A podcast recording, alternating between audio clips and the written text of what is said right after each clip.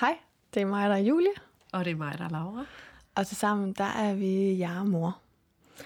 Og til dig, der lytter med derude, det du skal høre lige om lidt, det er vores samtale med Heidi. Og Heidi er psykolog og arbejder til dagligt med par, par der er blevet forældre. Og vi øh, har lyst til at undersøge, hvordan er det, når to bliver til tre? Puha. Det er ikke en lille en. Nej. Og hvordan er det, det der med at blive ved med at være kærester? Og skal vi blive ved med at være kærester? Og skal vi være det, som vi var, før vi fik baby? Eller skal vi egentlig prøve at finde ud af at være noget nyt? Og hvordan navigerer man i det hav? Ja. Selvom det er stille, så er der alle mulige sådan nogle øh, skær lige under vandoverfladen. Så Ja. det er bare med at sejle en Ja. rigtig rute. For hvad er det for nogle forventninger, vi har til vores partner, når vi bliver forældre? Hvad er det for nogle forventninger, vi har til os selv? Og det er jo fordi, grund til, at vi laver det her, kan jeg jo lige sige, det er jo fordi, vi er ved at lave en app. Og den app vil indeholde alle mulige emner, som man er optaget af det første år af barnets liv. For mens du gik til fødselsforberedelse og var så optaget af den fødsel, der glemte du at forberede dig på det at blive forældre, alt det, der kom efter fødslen. Og det har vi tænkt os at lave en app til, så vi kan støtte hinanden. Ja, men Laura, det er jo ikke helt rigtigt. Nå, okay, For vi kan ikke forberede os på at blive forældre. det er rigtigt. Men når vi så lander, så kan vi prøve at lande sammen. Det er rigtigt. Det er det, vi søger, ikke? Det er rigtigt. Og vi synes selv, at vi var lidt alene, da vi var ved at lande. Vi synes måske, vi var lidt for meget alene. Så nu er vores børn blevet lidt større, så, har vi ligesom, så forsøger vi at lave en lidt blødere landingsbane. Eller et værktøj, en lille, en lille paraply, man sådan kan hive i, mens man lander. Ikke? Ja. Er det for meget sagt? Nej, det er jo det, vi går efter. Lave et rum, hvor vi alle sammen kan være her med det, vi kommer med. Ja. Ikke? Og parforhold er jo en af de ting, som man er meget, altså som fylder meget, og som kan være svært, og som også er dejligt. Og det er jo også fantastisk, det der med, at man får det her barn. Ja. Det her Ja. og det her tredje fælles. ja. Så lige om lidt kan du lidt mere med. Så kan du høre, hvad der kan være i vores app. Det kunne være bud på noget af det, der er i vores app. Ja. God fornøjelse.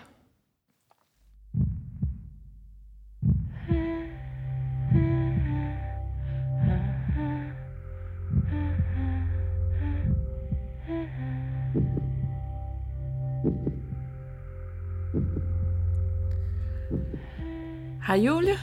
Hej Laura. Og hej Heidi. Hej. Heidi Agerqvist, Mm. som er privatpraktiserende psykolog, der beskæftiger dig rigtig meget med børnefamilier og par, Ja. børneopdragelse. Ja, ja, hele det felt, der er omkring at være par og børn ja, og forældre. Ja, ja. Og er også sådan lidt en, en man bruger som ekspert på området. Er jeg ja det er blevet. Ja. Det er sejt. det gør vi nu også. Ja. ja. Og øh, vi har jo inviteret dig herind, fordi at vi rigtig gerne vil snakke om, øhm, hvad det er, der sker, når man bliver forældre i parforholdet. Og hvordan øh, man overlever at få børn ja. som kærester. Kærligheden. Hvordan kan ja, og, øh, og, og vi laver den her serie om, øh, om, om, hvad det er, der kan ske, når man ligesom får børn, og kærligheden går fra at være en forelskelse til at blive en hverdag. Og, og, øh, og hvordan man finder hinanden igen, når, når børnene hele tiden er centrum. Øhm, så det, det vil vi gerne snakke om. Øhm, ja. Jeg kan jo øh, personligt fortælle, at øh, jeg, er jo, jeg, er jo, jeg er jo ikke sammen med min børns far. Og jeg, øh, jeg, jeg var blevet gravid tre måneder efter, vi havde mødt hinanden. Så jeg var meget forelsket. Og så var jeg meget gravid. Mm. Og så var jeg meget ammende. Og så blev jeg gravid igen. Og så var jeg meget gravid, og så var jeg meget ammende. Og så da jeg holdt op med amme, så havde jeg lige brugt tre år på at være nyforelsket, og, eller enten gravid eller amme. Og så, øh, Åh, det er også ret vildt, Laura. ja, det er crazy business. så øh, faktisk fire, jo. Fire år. Ja. Ja. Og så gad jeg ham sgu ikke mere. Ej, undskyld, Frank. men det, altså, der var jo mange ting i det. Men altså, der, der skete helt klart et eller andet, altså også hormonelt, Mm. med mig, da jeg så holdt op med at amme. Og det tænker jeg også, der gør, når man er forelsket. Der sker alt muligt hormonelt. Mm. Øhm, altså, hvor... Øh, altså, jo til sidst resulterede det jo i, at vi, vi gik fra hinanden, hvilket jo var er, har haft mange omkostninger. Men øh, kan du sige noget om, hvad der sådan sker hormonelt i, i de der... Øh... Altså, når man er forelsket? Ja. Ja. Altså, vi kan jo gå rundt her og tro, at, øh, at vi selv er herre over en hel masse, og wow, nu har jeg mødt ham her, og han skal være, jeg har selv valgt ham, og alt muligt. Øhm, og det er på en måde lidt løgn, fordi der kører sådan et, altså vi indrettet, evolutionen har indrettet os så smart, at den sørger for, at vi reproducerer os. Så den sørger for at skyde et ordentligt læs af hormoner afsted, sådan at vi forbinder os ja. med en, som vi kan have lyst til at reproducere os med. Og så er der sådan et, et hvad kan man sige, en hale af hormoner, der holder os sammen et godt stykke tid, så at man ligesom, som du startede med at sige, kan overleve det der første stykke tid, hvor, det, hvor man ikke sover, hvor det hele er helt crazy. Altså når man er forelsket? Eller nej, når man, har fået børn. Når man har fået børn, ikke? Ja. Men det der med at blive forelsket, det er jo, hvis man måler på den mængde signalstoffer, der er i hjernen, så det svarer til at være, altså det svarer til narko. Det svarer til at være helt sådan høj på coke eller et eller andet, ikke? Ja. Øhm, så, så vi bliver fanget ind i det der system, som, som, har, som, som føles virkelig dejligt for os, og det er jo godt, kan man sige. Ja. Men, men som har det formål at forbinde os så meget til hinanden, at vi ender med at få et barn. Fordi så har vi sikret artens overlevelse. Jeg ved godt, det lyder virkelig kedeligt. Nej, men det er, ja, altså, det, eller sådan uro, uromantisk, ikke? Så det Men- fri, fritager jo også en vis, et vis ansvar. Ja. Så, det var min krop. det gjorde bare. Det var ikke mig. Det var ikke mig. Det var mig. øhm, men man kan sige, det er egentlig det, der er, altså, eller evolutionens, biologiens øh, formål med forelskelsen. Mm. Det er at få to til at smelte sammen, sådan at der kommer en tredje, og gerne en fjerde og en femte, øh, ud af det, sådan at vi kan blive ved med at, at, at være her, kan man sige. Ikke? Ja. Ja. Så, så det giver meget god mening, det der du siger med, så var jeg meget gravid, så var jeg meget, altså først var jeg meget forelsket, så var jeg meget gravid, så var jeg meget ammende, og så kørte du ligesom sådan i loop der, ja. og så var det sådan en, så vågnede du op-agtigt, eller sådan. Ja, og så var jeg sådan, shit, okay, What? vil jeg overhovedet det her? Ja. Altså sådan, det var ligesom også et, altså jeg oplevede det som også et hormonelt dyk. Mm. Eller sådan, Det var det også. og ligesom begyndte at sådan, mm, andre mænd lugter meget godt. Mm. altså, sådan, hvilket jo er vildt usympatisk, hvis man kigger på det fra sådan kernefamiliesynspunkt og etisk og moralsk, men det var lidt mm. det, der skete. Mm. At jeg var sådan, mm, der, er, der er der noget spændende derude i verden. Men, men tænk, altså jeg tænker du ikke også, at når man så når til det tidspunkt, så har man jo også set manden i aktion. Altså, jeg, jeg observerede jo også på sådan en helt særlig måde min mand. Altså, jeg kan huske, det gik lige i maven på mig, da jeg læste Daniel Stern, der er psykologen, mm-hmm. hvor han siger, en hver ny mor i har sin mand det første år, og hun glemmer aldrig, hvad hun så. Mm. Og det har ikke noget med at gøre, om man så bliver skilt eller ej, men vi, vi kommer jo på prøve i nogle helt nye roller. Altså, om vi har været forelsket. Min mand og jeg havde været sammen i nogle år. Vi var ikke lige så forelskede, som du var, kan høre, når du beskriver. Øh, men alligevel, så havde vi jo kun prøvet at være par. Ja. Ikke? Vi havde kun været ude at spise sammen. Vi havde kun prøvet at bo, os, øh, bo og indrette os, øh, ligesom vi ville. Og, og så lige pludselig, så skulle vi jo indrette os på noget. Et tredje, fælles, fælles tredje. På noget helt nyt, ikke? Jo, og det er jo en opgave, det der med at finde ud af, hvordan gør vi det. Og, og som du siger, så er vi jo... Mm, jeg starter lidt et andet sted. Man kan sige, at det, hvis vi sådan hold, kigger på, på parforholdsstilen i det, det spørgsmål, som alle par hele tiden stiller hinanden. Hele, hele tiden laver bitte små forhandlinger om, uden at, uden at vide det. Og det, som alle par, der sidder hos mig, dybest set også hele tiden siger med deres adfærd, med at skælde ud og råbe, eller trække sig, eller det kan se ud på mange måder. Det spørgsmål, det er, er du der?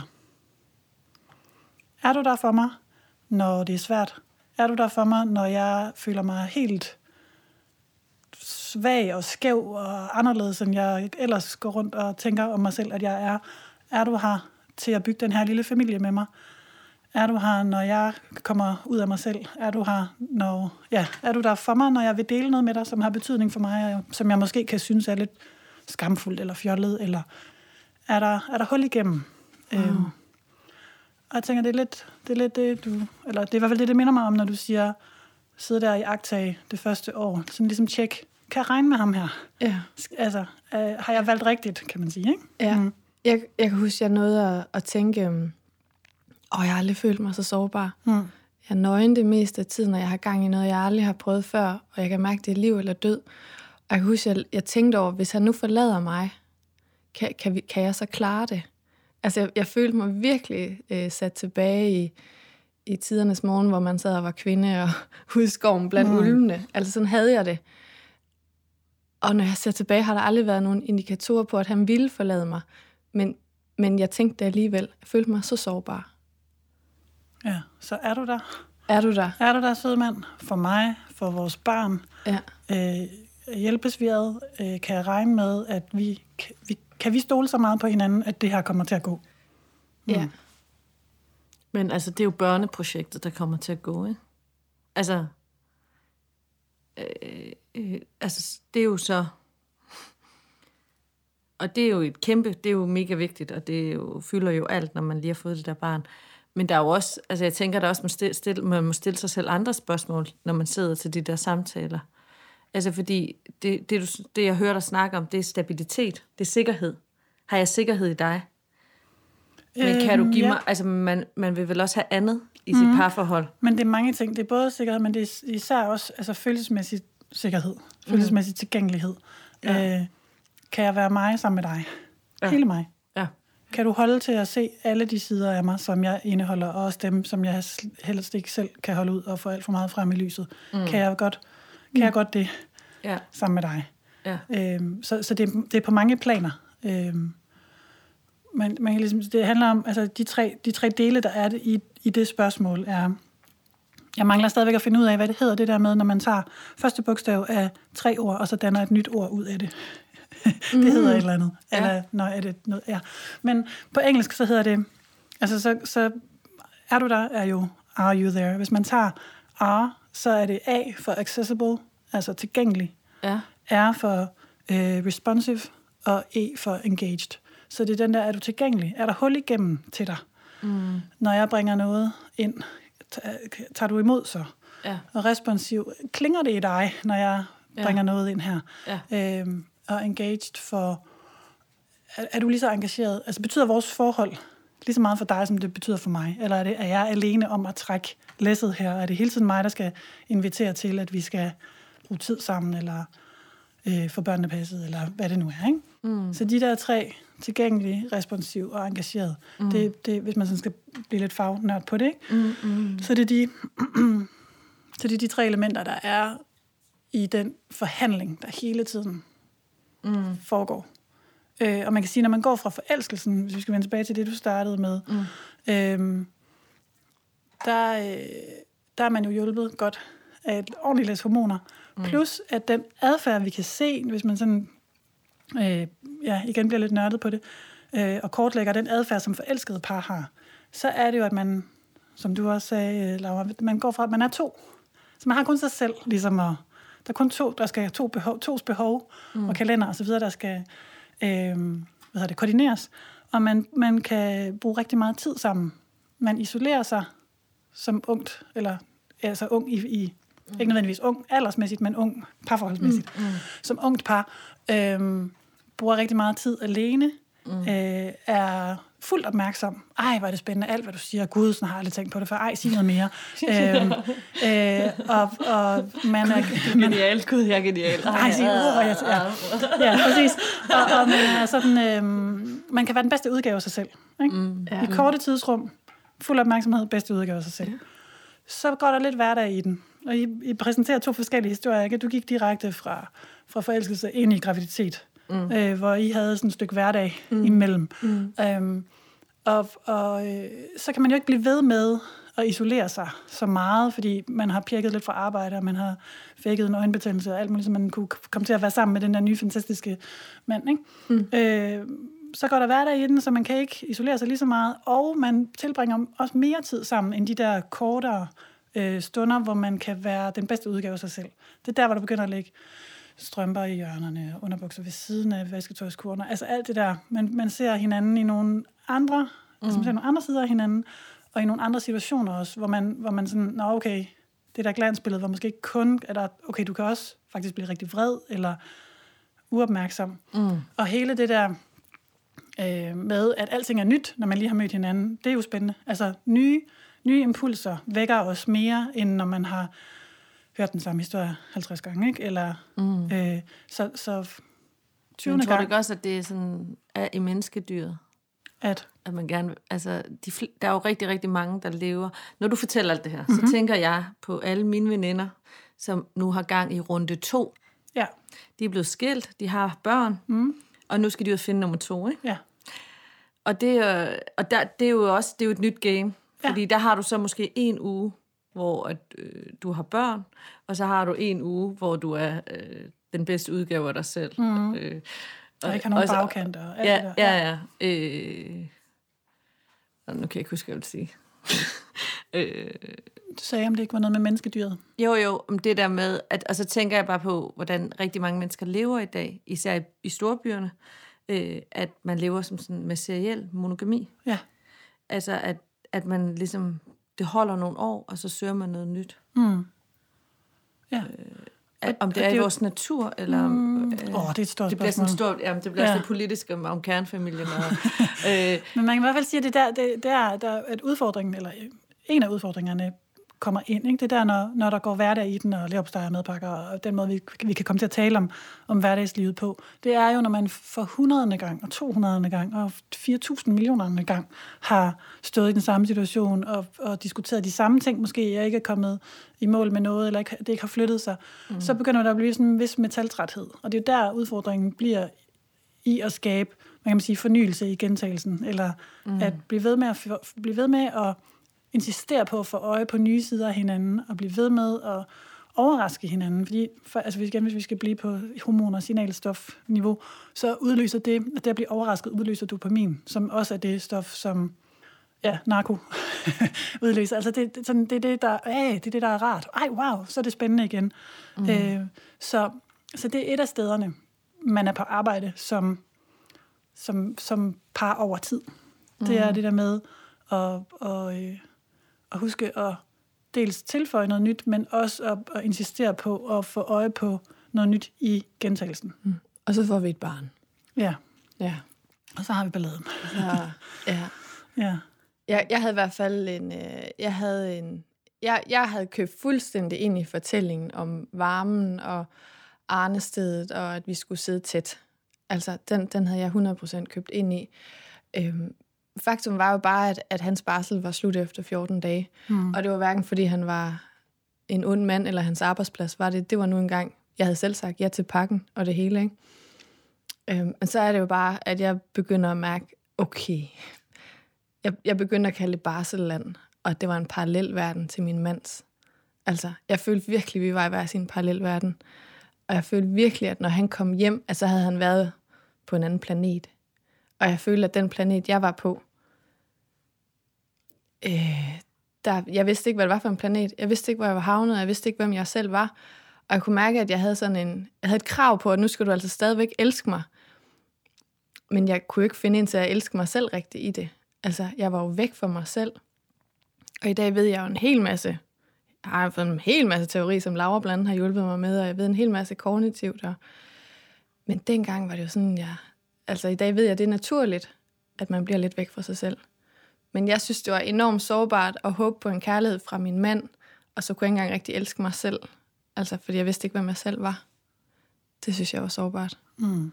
Øhm, og jeg tænker, at øh, jeg synes, øh, jeg, jeg, jeg synes, der skal enormt meget... Øh, altså, jeg kan huske, folk de blev ved med at sige til mig, nu skal jeg huske at være kærester. Altså det der, du sagde før, ikke? Altså parforholdet og... Men, men jeg, jeg synes bare, det var sådan et ekko. Altså, fordi, jamen, kommer I og passer hende? Altså, hvis vi skal være kærester, eller... Mm. Det var sådan lidt pseudo, eller ja, Jamen, fint nok, men hvordan skal vi det? Jeg tror godt, jeg kunne have brugt noget hjælp til at sige, måske skal vi noget, vi ikke helt ved, hvad er. Altså, jeg havde følelsen af, at det, der har fået os hertil på rejsen, den værktøjskasse, vi som par har brugt hertil, den er tom. Nu skal vi have noget nyt i værktøjskassen, fordi livet ser anderledes ud nu. Giver alt. Mm. Jeg sidder sådan og håber på, at du siger, at det er meget normalt. ja, så... Jamen, ja, det er det jo. Altså, fordi der sker en voldsom øh, forandring der ja. i, i, mm, i, hvad kan man sige, i ens virkelighed. Ja. At nu er det pludselig noget helt andet. Ja. Så det, det du snakker om, lyder som sådan en, Jeg er i tvivl om, om, jeg er i tvivl om hvem jeg er, Ja. og jeg er i tvivl om, om jeg er elskelig. Ja. Om ham, jeg har fået det her barn med, og sat mig i den her situation med, Ja. overhovedet kan blive ved med at elske mig, fordi jeg ved ikke, hvem jeg selv er nu. Så jeg har selv en lille smule svært ved det. Ja. Så det med, at vi skal være kærester nu, hvordan han gør man det? Jeg tror, jeg fik lidt stress over det. Ja. Altså både i forhold øh, både sådan det der med, når nogen kunne finde på at sige, jeg husker sundhedsplejersken sagde, det er enormt vigtigt at blive ved med at være intime sammen, så det der med prævention, har I styr på det? Altså, jeg gik helt i baglås. Mm. Jeg var slet ikke noget der til nu, og tænkte, når man har jeg allerede fejlet der? Gud, skal man allerede have været i gang med det nu? Ja, ja. Øh, og sådan, jeg havde sådan måske prøvet at skabe et liv, hvor vi ikke skulle sidde og se tv-serier hver aften. Fordi det havde jeg også læst i en bog, at så kunne romantikken godt gå fløjten. Eller sådan. Så det havde jeg prøvet at skabe mit liv ud fra. Nu laver vi noget sammen og tager ud i verden sammen. Og lige pludselig så kunne jeg bare ikke overskue andet end at se tv-serier Nej. Om aftenen. Nu siger det meget god mening, du siger det der med, at vores, min værktøjskasse, den er tom. Den, det, det, som jeg før plejede at gøre, Ja. som ikke var se tv-serier, men alt muligt andet, Mm. det kan ligesom ikke få integreret i det her, fordi nu ligger der det der lille barn lige her. Vi kan ikke bare tage ud i verden nu her. Øh, Nej. hverken tirsdag aften eller øh, en uge op på et bjerg, eller hvor I nu tog hen. Øh, så det der med at, og, ja, og så er det, så er det, det en af mine kæpheste, du lige rører ved der i forhold til, så har jeg Mm. læst i en bog, at Ja. for filen, hvor skal man passe på med... Nej, man må gerne læse bøger, men, men Bare kom med det. øj, hvor er det svært, og øh, man kan blive så forvirret, og komme til at blive endnu mere ensom, ikke? fordi så står der, når barnet er fra 4 til 6 måneder, skal det kunne bla bla bla bla, så kan man kigge på sit barn og tænke, det kan mit barn ikke, okay, jeg har fået et forkert barn. Allerede bagud på point der. Øh, husk at blive ved med at være kærester, og det er vigtigt at snakke om prævention. Jamen, jeg har overhovedet ikke lyst til at have sex, eller jeg kan ikke finde ud fordi min krop er helt mærkelig. Og, nå, men det er så også forkert, eller hvad? Eller, altså, man, for Sulan, kan man nemt komme til at føle sig forkert, og endnu mere alene på den der mærkelige planet, man er kommet hen på, som man ikke har noget landkort for, og man kender ikke sproget, og tempoet er det andet, og alt muligt er anderledes. Så ja, jeg tænker, at på det seneste er begyndt at komme sådan en... Altså, jeg tænker, vi mangler virkelig en, en øh, sådan nuanceret, mere nuanceret fortælling om, og jeg tænker, det er det, I er i gang med, om hvordan det er at være mor og være forældre. Øh, fordi enten bliver det sådan meget, at børn er det største i verden, og det er så fantastisk. Og det er det jo også. Men det er det jo ikke kun.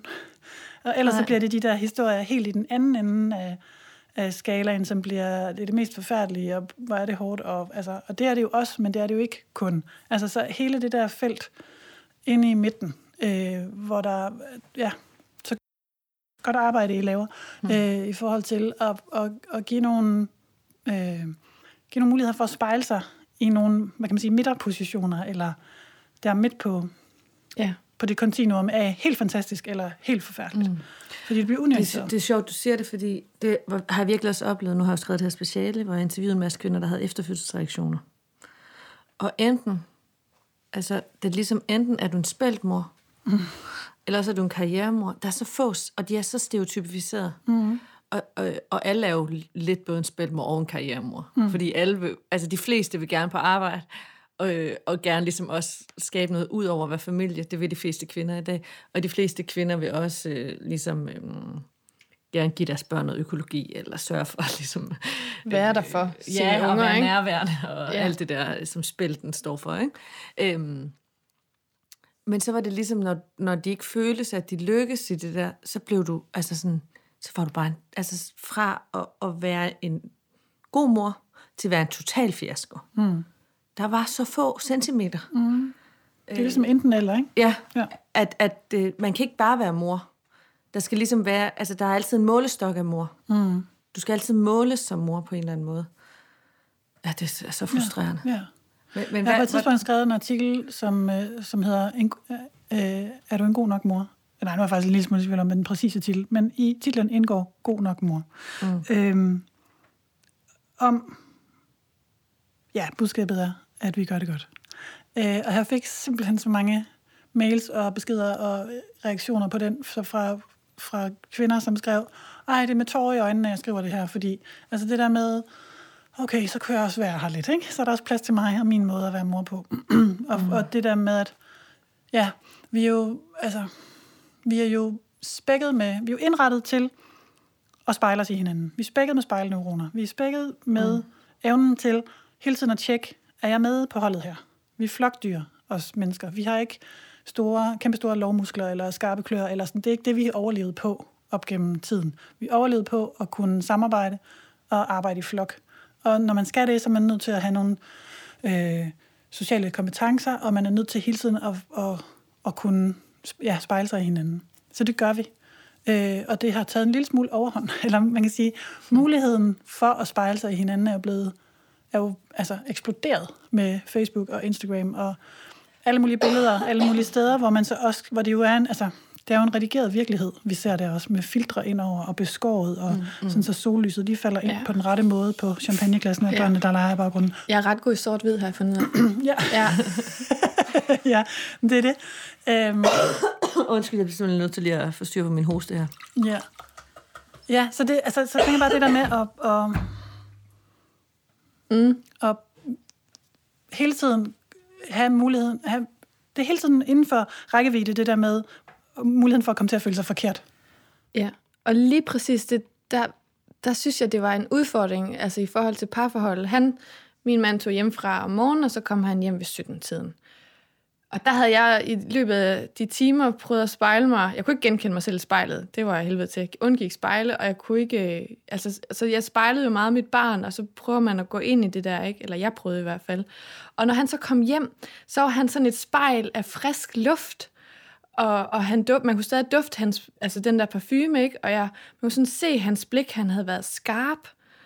Og jeg så for mig, at han havde snakket med kvinder i sådan en lårkort skørt og sådan noget. Mm. Altså, jeg lavede sådan hele au, billedet, ikke? Au, au, au, au. Ja. Øhm, og, og så kunne jeg godt se i hans øjne, at jeg var... Altså, vi to hørte sammen. Han prøvede virkelig at give mig kærlighed. Men jeg, jeg så alt det andet, og jeg spejlede mig selv. Jeg havde ikke noget at være i bad, og jeg kunne lugte mig selv. Og jeg, jeg kunne ikke finde ud af, hvad det var for et stykke arbejde. Jeg var, jeg var gået i gang med at lære et håndværk. Jeg, jeg virkelig ikke jeg synes, det var svært. Altså, mm. hvad er det for et håndværk, jeg har gang i? Så jeg synes, de der spejle, de clashede bare. Ja. Ja. Så, så det, det, er, det er jer to som, ja. som partnere, der kommer til at repræsentere noget helt forskelligt der. Ja. Og alt det, du kunne se, han var, det er meget godt billede, det der med ham sådan pust af frisk luft, så kom han ind der helt tjekket og havde ikke havregryn på, eller snot, ja. eller noget ja. på skulderen. Øh, og, og, og der sad du. ja. og så bliver det meget tydeligt, det han kommer ind med, hvor, hvordan, apropos det der med den anden planet, ikke? Jo. Meget, altså, jeg tænker også, det er det, det er det, der også nogle gange kan være så svært i løbet af, af sådan en barsel, fordi vi hører jo også, at Danmark har gode barselsforhold og alt det der, bla bla bla. Men, og det her tror jeg også, vi har. Så, altså, det kommer an på, hvad man sammenligner med, kan man sige. Men, mm. men, men for manden og kvinden, der er hverdagen jo bare ret forskellig øh, i løbet af fra tidlig morgen til klokken 17. Så det var helt, altså, meget forskellige opgaver, meget forskellige oplevelser, forskellige alt muligt, øh, forskellige behov, der har skulle dækkes der. Øh, så, så det der med at være på barsel sammen, eller have et, have et lille barn sammen, det kan jo godt føles, som om det ikke er så sammen. Ja. Og så tror jeg faktisk ikke, det kan jeg jo se tilbage, at jeg anerkendte ikke det stykke arbejde, jeg havde lavet i løbet af dagen. Nej. Jeg, på det, på det på det var en tidspunkt for seks år siden, der tænkte jeg, det der kommer ud af hans mund nu, Altså han har, når han fortalte anekdoter fra hans arbejde, det var mere værd, ja. end hvad jeg kunne komme frem til. Jeg fik faktisk amningen til at lykkes. Hun sov faktisk to timer. Jeg havde en fornemmelse af, at hun godt kunne lide mig øh, mellem 16 og 17, og hun lavede et eller andet sjov med munden. Jeg tror, det var et smil. Altså de anekdoter kom jeg ikke engang frem med, for jeg tænkte ikke, de var lige så meget værd. Hmm. Altså, den, op, den fornøjelse har jeg så fået som andengangsmor, for så kunne jeg lige, nu skulle det bare ud i fuld flor. Men første gang, jeg anerkendte det slet ikke. Nej, og det, igen det der med to forskellige planeter, to forskellige sprog. Han, din mand er jo fortsat i en verden og i en sammenhæng, som I begge to kender, og begge to kender værdien af, hvornår noget er godt, og hvornår har man været i mål hvornår med noget. Hvornår en succes. Præcis. Hvornår er noget en succes. Øh, det kan man ligesom måle. Øh, var chefen tilfreds, så har man fået lønforhold. Der er sådan nogle indikatorer på, det er gået godt. Og du stod så på den her planet, der hed Babyland, eller Barselsland, øh, og skulle ligesom afkode sproget og værdierne og kriterierne for succes. Og der var kun dig til det. Eller dem, som du googlede dig frem, eller altså andre, hvad man nu kan spejle sig i, ikke? Og det er der, hvor det kan blive sådan lidt farligt, hvis man har en... Altså, man skal ikke, man skal ikke have alt for ad, nem adgang til Google, hvis man er, har en lidt dårlig dag. Altså, det er en dårlig kombination. Nej, så download vores app i stedet. øh, nej, men... Øh, jeg kan ikke lade være at tænke, om vi forventer for meget af familien. Ikke? Altså for familien er jo også en historisk konstruktion, som, har, som kan se ud og har, bliver tillagt forskellige værdi, afhængig af hvilken kultur du lever i, og hvilken tid du lever i. Ikke? Øh, altså hvis du går nogle hundrede tilbage, år tilbage, så er det jo ikke ualmindeligt, at forældrene arrangerede, hvem du skulle giftes med. Mm. Øh, og det var en praktisk foranstaltning. Men i dag, så, så øh, øh, er det jo et problem, hvis man føler sig på hver sin planet. Altså, så, det, så udløser det jo frustration og, og, og en eller anden form for Far, krise. far, ja, ja, ja, far. det er farligt, ikke? Ja. Fordi, fordi vi har en forventning om, at der skal være en samhørighed. Ikke kun en praktisk, han kommer hjem med nogle penge, og jeg sørger for, at børnene overlever, men, men der er jo, vi ligger jo... Øh, altså, hvad ser du, som du ser jo rigtig mange familier, øh, hvordan, hvordan er det, hvad er det for nogle forventninger, vi ligger til, vores, til parforholdet og til, til børnene, altså til det at skabe familie i dag? Men det er høje forventninger. Og tempoet er højt, og der er meget, der skal ske på samme tid.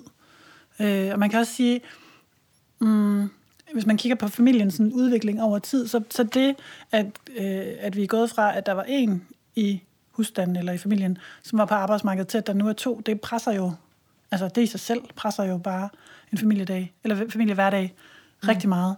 Øh, altså, hele, det, altså hele institutionalisering, eller i forhold til, til daginstitutioner, og, og det liv er jo også, man kan sige, relativt nyt, sådan, i hvert fald set i et lidt større, ja, måske ikke evolutionen helt som sådan, men, men altså, der er sket meget på, på få årtier Ja. med det.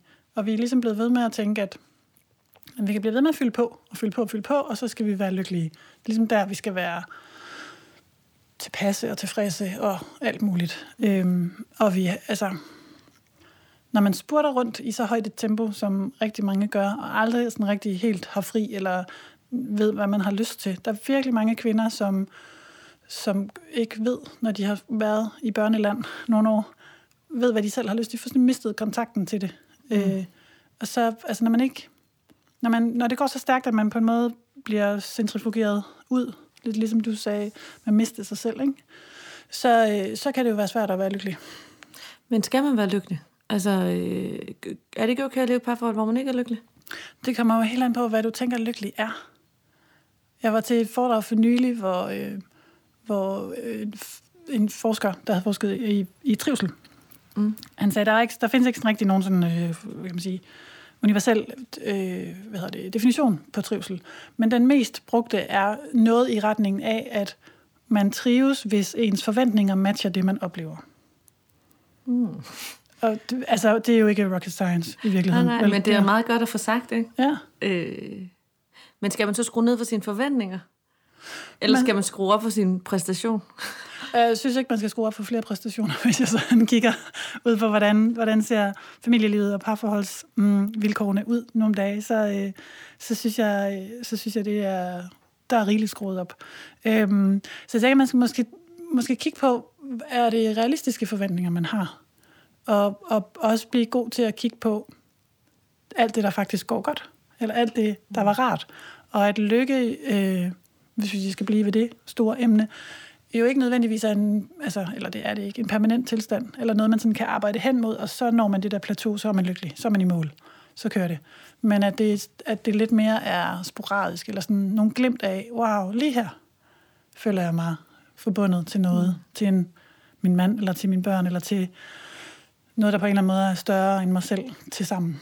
Øh, og huske at, at, at værdsætte det. Men hvis man hele tiden er på vej, på vej, på vej, på vej, på vej mod næste præstation, mod næste succes, mod næste mål, så kan det også være svært at nå at mærke livet i virkeligheden. Altså fordi det foregår jo lige her og nu. Så hvis man hele tiden er på vej videre, så kan man jo i princippet godt gå rundt og være lykkelig uden at opdage det. Det er jo ærgerligt. ja. ja.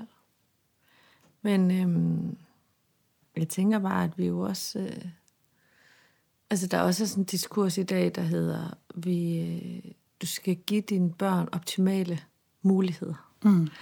Øh, lidt som om, at det er et kapløb, fra de kommer ud, faktisk fra de er inde i maven, med alle de andre, der er inde i maven, øh, om at få de optimale øh, Betingelser, ikke? betingelser og livsmuligheder. For vi ved jo godt, at alle ikke har lige muligheder.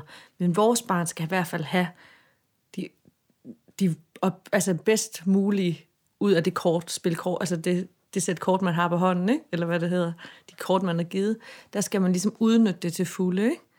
Ja. Øh, men, men det er jo en tanke om, at vi er i konkurrence. Ja, Altså, det, er det er sådan et, det er sådan et øh, effektivitetspræstationssamfund, ja. vi har fået skruet sammen. Og konkurrence, altså kineserne kommer jo lige om lidt. Altså, vi står stadigvæk og venter på, hvornår de kommer, men vi har truet med dem i lang tid nu, ikke? Ja. Så noget med skole, der skal skrues på, og, øh, og så videre. Øh, børn er jo blevet sådan lidt, børn er jo blevet meget mere tilvalg. Mm. På en måde i hvert fald, Ja. ja. i dag, end de var. Min mormor, hun øh, fik 11 børn, og de kom sådan med halvandet års mellemrum ploppende. Dut, dut, dut. Og det tænker jeg ikke, at de sådan har siddet der hjemme på gården og tænkt, nå, skulle vi have... dem?" De- Altså, de, de lander jo bare, når de børn kommer. Og, og nu er det jo sådan, øh, nu kan man jo købe, det har man kunnet længe, ægløsnings, øh, hvad hedder sådan nogle sticks, og man kan planlægge på Det alle kan man få en app til, har jeg hørt. Men, men det er jo også, altså det efterlader os jo også med et ansvar. En følelse af et ansvar. Mm. Jeg har jo valgt det her barn. Og nu er jeg ikke lykkelig. Hvad er der galt med mig? Jeg Ja. ønskede mig det her barn så inderligt. Og jeg valgte selv at få det. Og det er der, vi mangler den der nuancerede fortælling om, hvordan det er at være forældre, og hvordan det er at blive mor. At det ikke, altså, fordi det på en eller anden måde binder an til den der fortælling om, så valgte jeg et barn, og så, jeg har jo på papiret alt det, jeg gerne vil have. Mm. Så hvorfor er jeg ikke lykkelig? Der må være noget galt. Mm. Øh, nej, du er bare menneske, og man kan godt have det på... Altså mm. på en eller anden måde, så tror vi, vi kan kun... Vi skal have det på en måde ad gangen. Enten er man lykkelig, eller også er man ulykkelig. Men man kan jo godt... Mm. Vi bliver forvirret, når vi har, når vi har det sådan lidt alt muligt. Jeg Yes. elsker barnet, men jeg kan også nogle gange ikke holde det ud. Hvad skal jeg stille op med det? Der, må, altså, der er jo ikke nødvendigvis noget galt i det. Ja, og jeg sidder og tænker, når du fortæller, at vi mangler også nogle nuancerede fortællinger omkring det der med at være et parforhold. Ja. Jeg har virkelig haft det virkelig lyst til mange gange med mine øh, venner og veninder, altså har haft lyst til at spørge mere. Kan vi tale om det her på en eller anden måde, uden at jeg behøver at sige, nej, vi er ikke ved at blive skilt, og nej, jeg elsker ham. Men kan vi ikke tale om det, uden at, at være bange for det? Altså jeg kan huske sådan, da min barn var halvanden, så begyndte folk at sige, nå, skal I have en mere? Og jeg blev så provokeret, at jeg begyndte at sige nej, for så blev vi skilt. Og de kiggede jo på mig sådan helt, ja. sagde hun det højt? Hvor jeg sagde, hvorfor er der ikke nogen, der kan snakke om, at det er en udfordring for parforhold at få et barn? Det betyder ikke, at det er farligt. Det betyder bare, at det var en udfordring. Mm. Det er pissefarligt. Det er derfor, folk ikke kan snakke om det. Du, det. Jo, men Jeg kan huske, jeg blev, da jeg, mig og barnets far gik fra hinanden. Og så var der alle de der veninder, ikke? Der det er var ved at fordi- få deres første barn. De var bare sådan, så er man bange for at blive smittet. ja, du skal ikke smitte mig. Det kan Ja. du godt glemme, det der. Ja, men, men, men der, altså nu kan jeg kun tale for mig selv, men det har vi bare aldrig været i fare for. Det var bare en udfordring, mm. og kan vi ikke snakke om, at det er en udfordring? At jeg kigger først på barnet, når jeg vågner. Jeg kigger ikke længere på ham først, når jeg vågner. Jeg kigger på min datter. Trækker hun vejret? Vi er jo helt over i den der drama, ikke? Og det er hende, jeg, hvis han er ved at fortælle mig noget vigtigt, og hun så græder, så det er hende, jeg løber efter, i stedet for at høre ham tale færdigt. Mm. Når, når klokken er 8, så er jeg så fuldstændig smadret, at hvis han begynder at røre ved mig, så bliver jeg aggressiv. Mm. Altså, men det er jo ikke farligt, men det var bare min virkelighed. Og mm. kan vi ikke tale om det på sådan en måde, hvor vi siger, men jeg har brug for, at jeg kan få lov, at det er sådan, det er, uden at der er noget galt med vores kærlighedsforhold. Ja. Altså, det har jeg savnet helt vildt.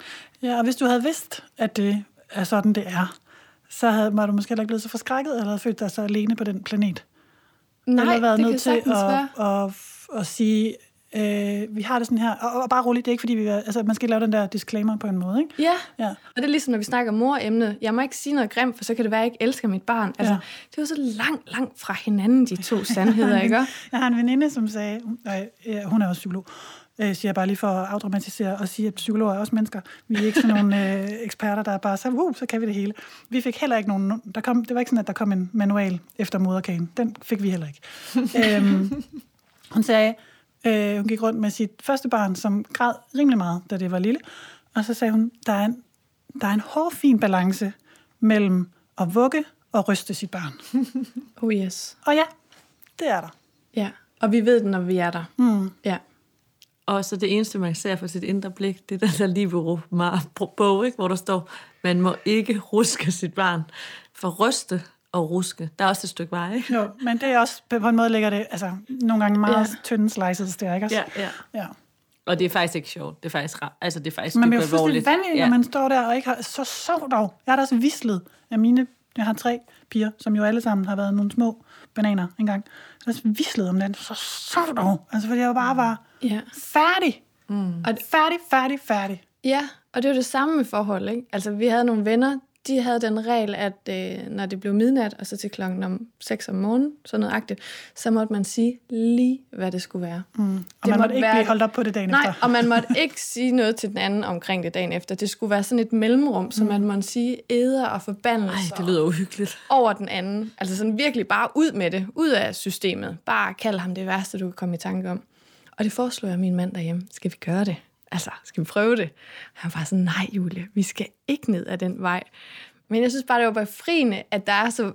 Altså, lad os prøve at snakke om alle de der greb. Mm. Altså, øhm, og det har jo ikke noget at gøre med, hvor højt jeg elsker mit barn, og hvor højt jeg elsker min mand. Og det er det, vi skal have skilt ad. Ja. Det handler ikke... Altså, kærligheden er jo givet for pokker. Altså, den er jo ikke nogen, der kan røre ved. Det er jo bare det, er sådan, det er. Det er vi jo indrettet til. Det kan vi, det kan vi tage helt væk fra vores skuldre. Den, der er sørget for det.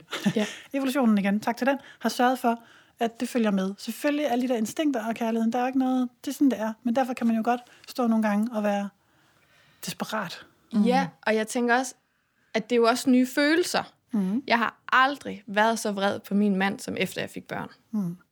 Den vrede, den kom bare som sådan en tsunami. Og det kunne være alt muligt. Vrede over, at han kunne sidde længere på toilet, end jeg kunne tillade mig. Vrede over, at han ikke hørte hende, før jeg hørte hende om natten. Altså, helt derude kunne jeg blive så æderspændt rasende over det. Mm. Altså, det er jo nyt for parforholdet at bære det. Men, ja, ja, men, og der, der tænker jeg, altså fordi det, der så sker, ikke, det er, at er det mig, altså så, han har jo ikke fået den der manual ud efter moderkan, som du siger, og så tænker man, er det mig, er det mig, der er noget galt med? Altså er det mine forventninger, der er helt forkerte? Eller er det ham? Er det ham, der er noget galt med? Eller er det mig? Eller, eller er, er det sådan, det er at være forældre nu, at man bare går og vrede på Er det så hinanden? vores liv? Er, er det sådan, det er? Ja. Og, og har du ikke et svar på det? Det ville bare være skide godt, hvis du lige kunne. altså, om der er noget galt med nogen, eller det er sådan, det er. Ja, Altså, tænker jamen, det er det- fordi, det, man kan jo heller ikke acceptere det bare sådan, det er vel. Det er sådan, det er i en periode, indtil man har, har afkodet sproget, og ligesom lært- præcis som du siger, øh, Julia, at den fornøjelse fik jeg så med, da jeg blev mor. Igen, så er det ligesom noget, der... Så, Nå, det er det her. behøver, jeg ikke at, behøver jeg ikke at blive så forvirret over alt det der nye, fordi nu er det ikke helt så nyt mere. Det er selvfølgelig et nyt barn, og det kan tage sig ud på alle mulige andre måder. Men man har været der før. Det er ikke, der er, vi har en eller anden form for landkort. Mm. Så det er knap så øh, crazy.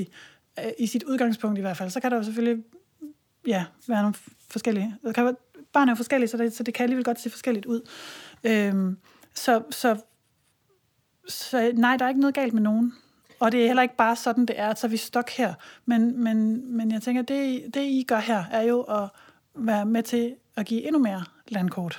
Mm. Og endnu mere oversættelse, og endnu mere nuancering på, hvad, hvordan er det at stå der, og hvordan, ikke bare overlever vi, men hvordan, hvordan kan det også blive okay, og hvordan kan det blive ligefrem rart? Ja. Ja. Men så er der sådan en, øh, altså sådan, hvis du spurgte nogle andre, tror jeg, om det her spørgsmål, ikke? Nogle andre, for eksempel hvem? Bare Nogle feminister for eksempel, ikke? Mm. ikke? at Jeg er jo også selv feminist, men altså, så vil de, altså, der er nok nogen, der vil sige, at der er et problem i, at vi forventer noget forskelligt af far, noget for, altså, at forventningerne til far og mor er så forskellige, at det faktisk er mega urimeligt. Der skal ingenting til for at være en dårlig mor. Der skal ret meget til for at være en dårlig far. Ikke? Mm. Øh, og at der måske, at vreden ikke er helt ubegrundet. At det faktisk måske er, at det, at det er forventningerne til mor og far, der skal justeres lidt på, og at det er far, der skal let røven lidt mere. Så blev det sagt. Ja, at vreden ikke er ubegrundet. Vreden fra hvem? Vi tager en session, privat session. Jeg tror ikke, du har penge nok, Laura. Det bliver langt forløb. Jeg skal bare lige være med. Vreden, hvem's vrede? øh, jeg har mødt sygt mange kvinder, nybagte mødre, der er vrede. Og Julie har lige sådan beskrevet, at du også var mega vred, ikke? Og selvfølgelig var vreden der ikke hele tiden, men vreden var der. og til at mærke og føle på. Mm.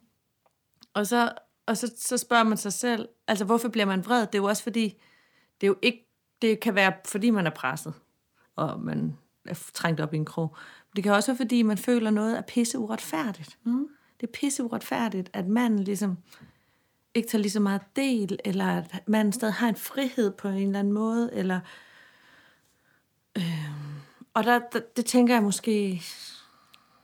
Øh, jeg ved ikke, jeg, måske er lidt på dybt vand her, ikke? men, men øh, det der med, at ved du mig stadig, som du startede med at sige, at det er en forhandling, sådan, jamen ved du mig stadig. Men måske er der noget mere end det. Ved du mig stadig. Måske er der også noget sådan, Gider du godt hjælpe for, mig at, lige for så at meget? du skal bevise, at du vil mig, så skal du gøre så, så lidt. Og for at jeg skal bevise, at jeg vil den her familie, skal jeg gøre så meget. Ja. Jeg skal amme, og jeg skal være den primære omsorgsperson, og jeg skal dit og dut og dat. Og når vi Og kommer... måske jeg projicerer alt mit eget halløj ind i det her. Muligvis er der risiko for det. Så må vi ligesom bare tage det med. Jeg fornemmer, der er en tendens. Måske der ikke er det.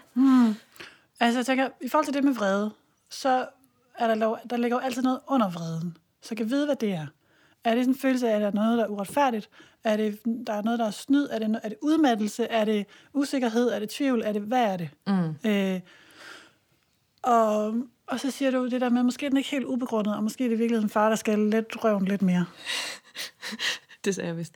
Altså, det er jo ikke fordi, jeg, jeg tænker, når du siger det her, så tænker jeg, ja, men i bund og grund, så er det jo rigtigt, så vil vi bare have at vide, at vi er gode nok og blive holdt om, og, og have vores far siger, at han er stolt af os. Ikke? Øh, men, men Ja, eller bare have lov til at synes, det er med. Jeg hader, at du bare kan stå op og tage dit jakkesæt på og gå på arbejde, og så, har du, så kan du tisse, når du vil, og du kan drikke varm kaffe, mens den er varm, og du kan føle dig smart og nyttig i samfundet og alt muligt. Og her skal jeg sidde herhjemme og amme og svede og lugte og øh, trøste et barn, der ikke kan trøstes. Det synes jeg er med snyd, undskyld jeg bander. Men så jeg tænker det er jo fair nok. Det er jo en reel følelse. Og, og tænker, udfordringen er at få det kommunikeret, i stedet for bare at blive vred på manden. Men jeg tror, mit Så bare problem- sige det, og så, så forsvinder det måske også. Men jeg tror, mit problem var, at jo, jeg synes, at, at han havde gang i noget meget mere lækkert, end jeg havde. I dag synes jeg så, at jeg blev lidt klogere. Men jeg vil ikke bytte. Jeg er en af de der, der stopper al øh, udvikling i Danmark, fordi jeg vil have min barsel for mig selv. Bum, så er det sagt. Ikke? Altså, jeg var en af dem, der ikke ville dele. Så var det så heldigt, at han ikke ville have noget, men sådan gik det så op. En af de regnestykker gik op hjemme med mig. Der, hvor jeg synes, det er snyd, det er, hvis vi kommer til en familiefødselsdag, og der så mangler, øh, hvad kunne det være, en plet på tøjet, eller en strøm, der mangler, så kigger de på mig. Har du en strøm mere, eller har du en, en ren trøje mere? Altså, han sidder lige ved siden af. Det er der, hvor jeg mærker den der lille forskel. Har, har du husket? Har du været afsted med, altså, Mm. Og bliver du vred på din mand der, eller bliver du vred på familien? jeg, jeg tror, jeg bliver vred på noget større, jeg ikke ved, hvad er. Ja, Altså sådan en boksepud, hvor hvor jeg tænker, hvorfor kigger I på mig? ja. Altså, og, Det, det tror jeg, det ændrer sig i forløbet af få generationer. Jeg tænker, at hvis okay. vi kigger på den fargeneration, vi har i dag, eller de fædre, der er i dag, så er der godt nok mange, der har lettet røven virkelig meget, og virkelig meget på banen. I forhold til, især hvis man kigger på, hvilket farforbillede har de selv haft med. Altså på en enkelt generation, mm. tænker jeg nærmest, vi kan tale om kvantespring. Altså der er virkelig meget forskel. Så jeg tænker, når det nu er vores generations mænd, som sidder der til familiefødselsdagen om en generation, mm. og, der, og vores børn har fået børn, og der mangler en strømpe, så tror jeg, det vil være meget mere naturligt. At, altså, og lige så godt spørge faren som moren. Sejt. Jamen hjemme med mig Ej, er det jeg også min... glad, du siger Hjemme, der. hjemme, hjemme med mig er det også min mand, der husker altså en gang imellem at tage dem med til de der etårs undersøgelser, og han sørger for min datters øh, fodvorte og, sådan, og mm. alt det der. Altså sådan, så, så, jeg kan godt se den at være udlignet. Jeg tror mere, det er sådan en følelse af, når jeg går udenfor, at der er et eller andet. Men jeg ved ikke, om er det mine egne spøgelser? Det kan godt være. Nej, jeg tror, der er noget om det. Altså, jeg sikkert også min, min svigerfamilie spørger der også mig om sådan nogle dame-ting, kone mor ting Og altså for eksempel sådan noget med rengøring og øh, børnenes øh, fødselsdagsønsker og alt sådan noget. Det er da mig. Mm. Hvor jeg sådan tænker, øh, de har sådan en far, spørg ja. ham. Øhm, så jeg tænker, der er noget generationsmæssigt i det. Ja, og jeg kom, jeg kom til Men at jeg sige... tror, det er virkelig meget på under forandring. Ja, og jeg kom til at sige lidt bredt her den anden dag til et selskab, hvor jeg var afsted, og så blev jeg spurgt om, Nå, er han, er han barnepige i weekenden? Og jeg sagde, nej, han er far. Ja. Altså sådan, og det var ikke meningen, jeg ville være vred, men jeg blev lige vred i det, ikke? Altså fordi, Jamen, det er fordi, der ligger også en, en underliggende antydning af, at, at det er primært din, eller det er dine børn, og Ja, så hjælper han han, passer. dig. Ja. ja, nej, han passer ikke sin egen børn, han er far. Men, øh, men ja. det er jo også, altså, hvis man, når, den, når det er den magtkonstellation, det er det jo ikke i alle familier. Nogle er der jo, er det jo anderledes, og nogle er det faren, der er den primære og sådan noget. Men der er det jo også der, der får lov til at bestemme rigtig meget. i børnenes liv. Ikke? Det følger jo også med, mm. at man har får lov til at bestemme tøjet, man får lov til at bestemme... Men det poster jeg ikke har det ønsket. skal- Ja, ja. Så, og, og dem tager jeg, men, altså, men lige præcis dem der, der er sådan nogle, der jeg ikke har ønsket. Jeg har ikke ønsket, at, at min hjerne skal være kodet til, at hver fredag er det gymnastikdag, så der skal jeg huske, at der skal pakkes en gym. Altså, men jeg tager den gerne, altså, men, men det er ikke, jeg ved ikke, om jeg havde ønsket det. Altså, det kunne lige så godt være ham, der gjorde det. Mm. Når du lige siger fredag er gymnastikdag, så der skal man... Jeg tænker, hvis man kan vide, at man ikke... Det må man kunne lave sådan noget statistik på. Er det mest mødre eller, eller fædre, der logger ind på forældreintra? Øh, det vil jeg gætte på at mødre. Ja. Men jeg tror også, at der vil vi også kunne se øh, en forandring. Snart. Der sker virkelig... Altså, der sker... Der, det er... Jeg skulle til at sige under opløsning. Det lyder som om, at det er ved at forsvinde Det er i op i luften. fra hinanden. Det er Men- sikkert også ja. nogen, der vil mene. Nej, nej, Men det er under forandring. Det tænker jeg Og virkelig. jeg, og jeg synes også nogle gange, at så er min mand en meget bedre end mor, end jeg er. Altså, han er meget bedre til at finde på lege og holde lejen i live, og altså sådan hele Så han er en meget bedre mor, end du er. ja. Ja. ja. Nå, men altså det der, altså, det der, man siger, at grænserne udvisker sig, ikke? Han er meget bedre til alt det der Ja. Leg og hygge. Men det er og da fordi, vi din hjerne i er fyldt op med gymnastiktasker. Ja, nu bliver du vred igen, kan jeg se. Ja. Ja, men det er rigtigt. Det, det, det, det, er sådan, det er da let at være lege, øh, hvis man ikke skal huske gymnastiktasken. Det synes jeg er mega interessant, at sige, at min mand er en bedre mor end mig, fordi han er meget bedre Nogle til det der med gange. at lege og hygge. Nogle gange. Øh, Bedre til at lege og hygge og sådan noget. Tænker jeg, men er det, er det sådan en morkompetence? Eller hvad? Jeg er mega provokerende, så er det. Nej, jeg synes bare, det er interessant. Ja. Det, det, er- det, fordi det, det, det, øh, Der er altid en dame uden på de der leg med din baby, ikke? Altså, det er sådan en mor. ja. Igen så er det jo meget sådan, hvad, hvad er vores billeder af, hvad er en rigtig mor, og hvad er en rigtig og far? laver hvornår vi man går selv? Ja, ja.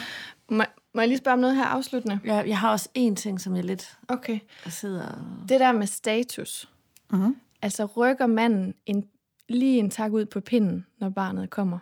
Og får man tre børn, rykker han så helt ud. Ja, det vil vi godt vide. Du har tre Og læner jeg, I læner jeg frem. Men det der med, altså... Øhm, Status jeg har jo været meget, meget efter jeg fik mine unger, har jeg været meget mere inde i dem, altså deres nervesystem og deres mimik, og hvad kommer de hjem med, når dagen er omme, og hvad, hvordan kan jeg rumme dem, hvordan kan jeg trøste dem, hvordan kan jeg give dem et afsæt til en ny god dag. Det er jo meget mere på, end jeg er på min mand, ikke? Mm.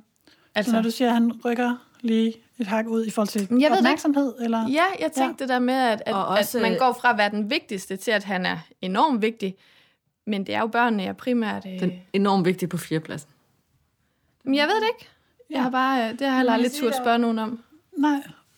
Okay. Hvorfor har du ikke turde spørge nogen om det?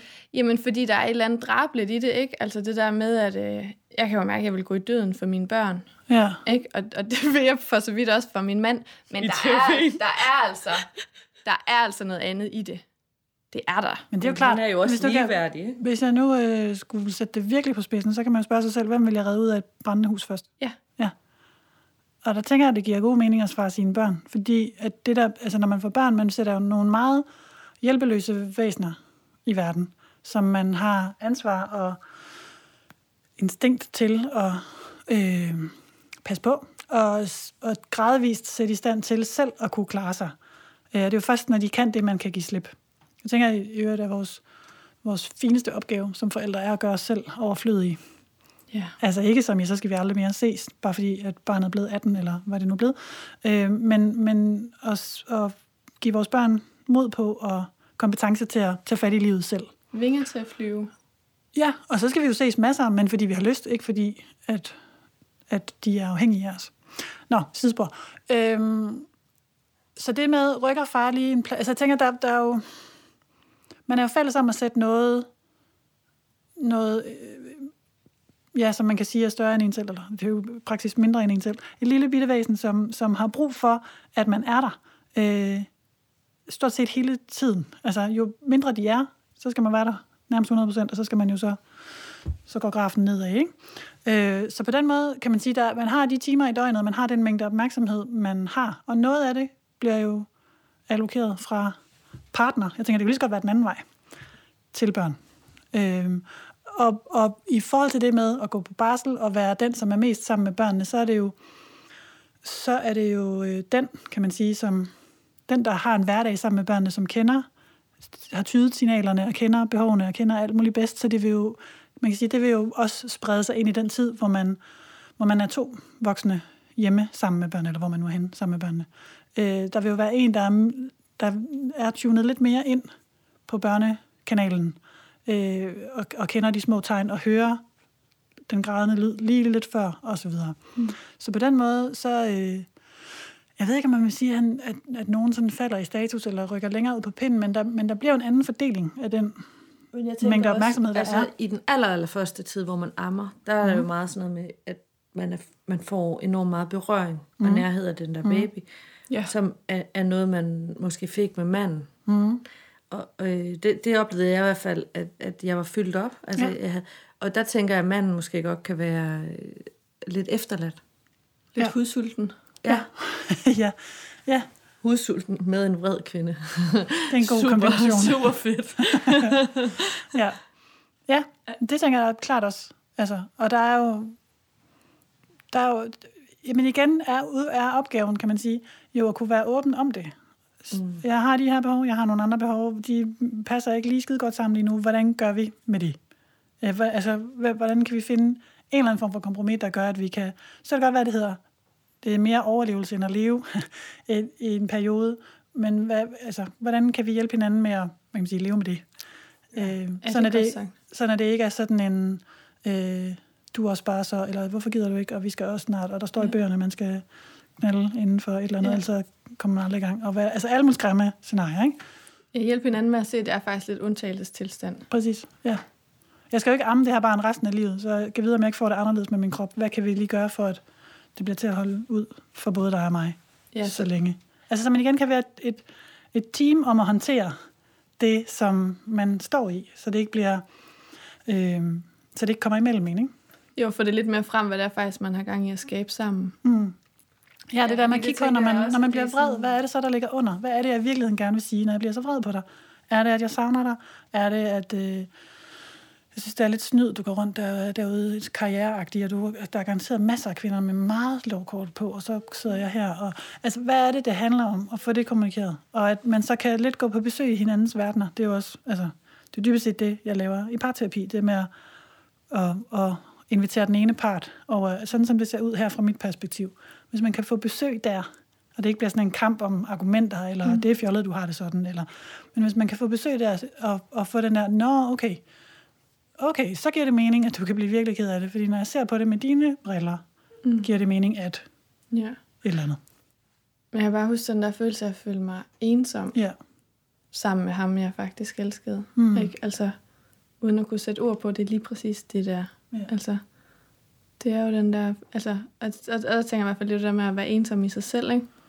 Men det er jo, jeg tænker, det kan, det kan man jo ikke nødvendigvis lige se, når man står i det, men det er jo aldrig for sent at komme tilbage og reparere og sige, hey, jeg kan se nu, at jeg var godt nok vred dengang, for ja. seks år siden. Det handlede om det her. Ja. Jeg tror, det var det her, der var på spil. Ja, og jeg, og jeg synes, det var en hjælp, når nogle af mine veninder, der havde haft børn i længere tid, sagde, altså, det, det er en fase, og, og selvom I, der er mere, I skal arbejde videre på, men, men tingene bliver nemmere, ikke? Altså, mm. ja. Og det blev det? Eller hvad? Ja, det blev nemmere hjemme også. Ja, det gjorde det. Jeg, jeg, jeg husker som om, at jeg, at jeg fik luft en dag, og kom ud og fik frisk luft. Altså sådan billedligt talt. Mm. Kunne lige pludselig begynde at, at se verden i flere nuancer. Og det tænker jeg, det er jo vildt. Altså, jeg har i hvert fald været en af dem, der har tilrettelagt rigtig mange ting, uddannelse og arbejde, og, du, du, du, du, og så bare sådan, puff. Og nu sidder jeg her, ikke? Altså, så det er jo sådan en proces. Mm. Og alt det her med børn og barsel, og, altså vi, vi er jo også vant til, tænker jeg, som kvinder i dag, vi er jo skolet til, og jeg tænker, at vores unge piger i dag bliver skolet endnu mere til det. Det der med struktur, planlægning, du, du, du, videre, ikke nogen, øh, altså vi snakker om, øh, øh, det hedder ikke sabbatår, det hedder et eller andet andet, fjumreår, hvor jeg bare tænker, øh, hallo? Mm. og det hedder, altså hele det der med, øh, det skal gå hurtigt, det skal, du, du, du, og, så, og vi skal planlægge alting, og hvis jeg gør, tager det her fag nu, så kan jeg afslutte mm. der, og så videre. Og så kommer der det her barn, altså, hvor man ikke kan planlægge ret meget. Man kan faktisk ikke engang bestille, hvornår det skal leveres. Altså, der, det, det er jo, ja, det, ja, det er virkelig, et kontroltab, vi slet ikke overhovedet er trænet i. Nej, og det er også derfor, vi laver alt det her. Vi ser jo vildt meget potentiale i, altså sådan som kvinde, og altså den der transformation for mor, ikke? Altså der er jo alle brækker til at, at stige ud af altså transformationen og blive en varm og, og kvinde, der, der sætter sine grænser og lever med ham, man vil leve med, fordi man synes, det giver mening, og ikke fordi andre synes det også. Mm. Åbner sig op for relationen til barnet, og alt den kim, der er i det, ikke? Det er en helt anden lydsag.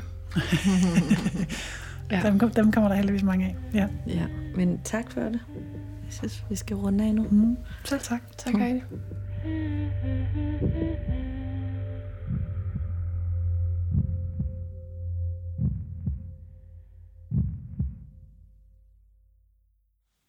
Hvis du kunne lide det, du hørte, så øh, kan du følge os på Facebook og på Instagram. Vi hedder Jeg er mor. Du kan finde flere af vores podcasts inde på iTunes mm. eller SoundCloud. Mm. Du søger bare på Jeg er mor.